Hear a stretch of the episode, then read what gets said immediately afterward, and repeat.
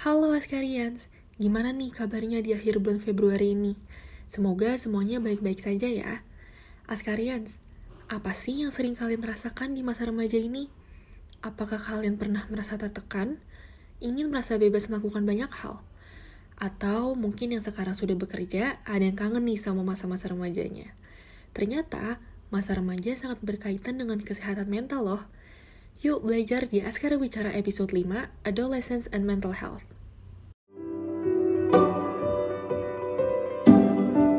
Masa-masa remaja memang masa yang paling indah ya Skarians. Tapi, did you know that masa remaja adalah masa-masa paling rentan terhadap masalah kesehatan mental? WHO melalui risetnya menyebutkan bahwa satu dari empat remaja memiliki permasalahan kesehatan mental.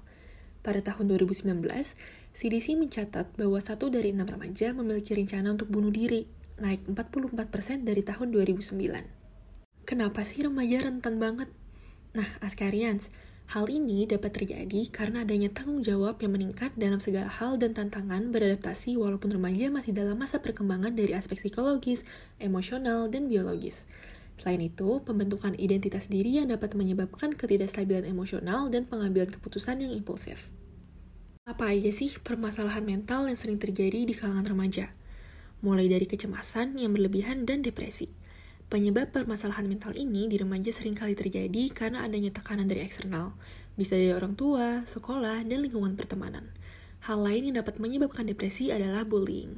Bullying adalah tindakan penindasan atau perilaku agresif dengan niat untuk menyakiti atau menyalahgunakan orang lain secara berulang-ulang. Bullying dapat terjadi dalam berbagai macam bentuk, seperti fisik, verbal, dan bentuk yang sering terjadi yaitu cyberbullying. Cyberbullying adalah perilaku bullying yang terjadi di media sosial.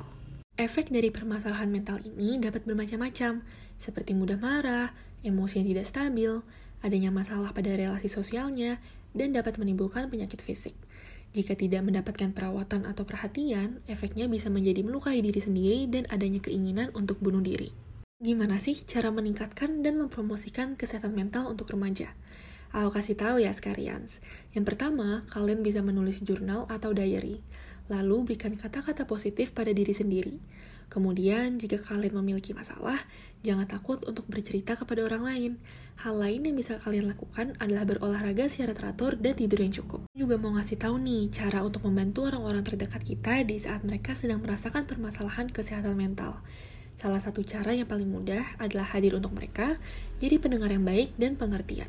Dengan kehadiran kalian, mereka tidak akan merasa sendirian dan kalian dapat membantu mereka menjadi lebih baik. Nah, walaupun usia remaja paling rentan terhadap masalah kesehatan mental, tetapi sekarang Askarians tahu bahwa hal itu dapat dicegah dan diatasi. Askarians harus tahu bahwa kalian tidak sendiri. Pojok Askara akan selalu bersinar bagi kalian. Sampai jumpa di Askara Wicara selanjutnya. Dadah!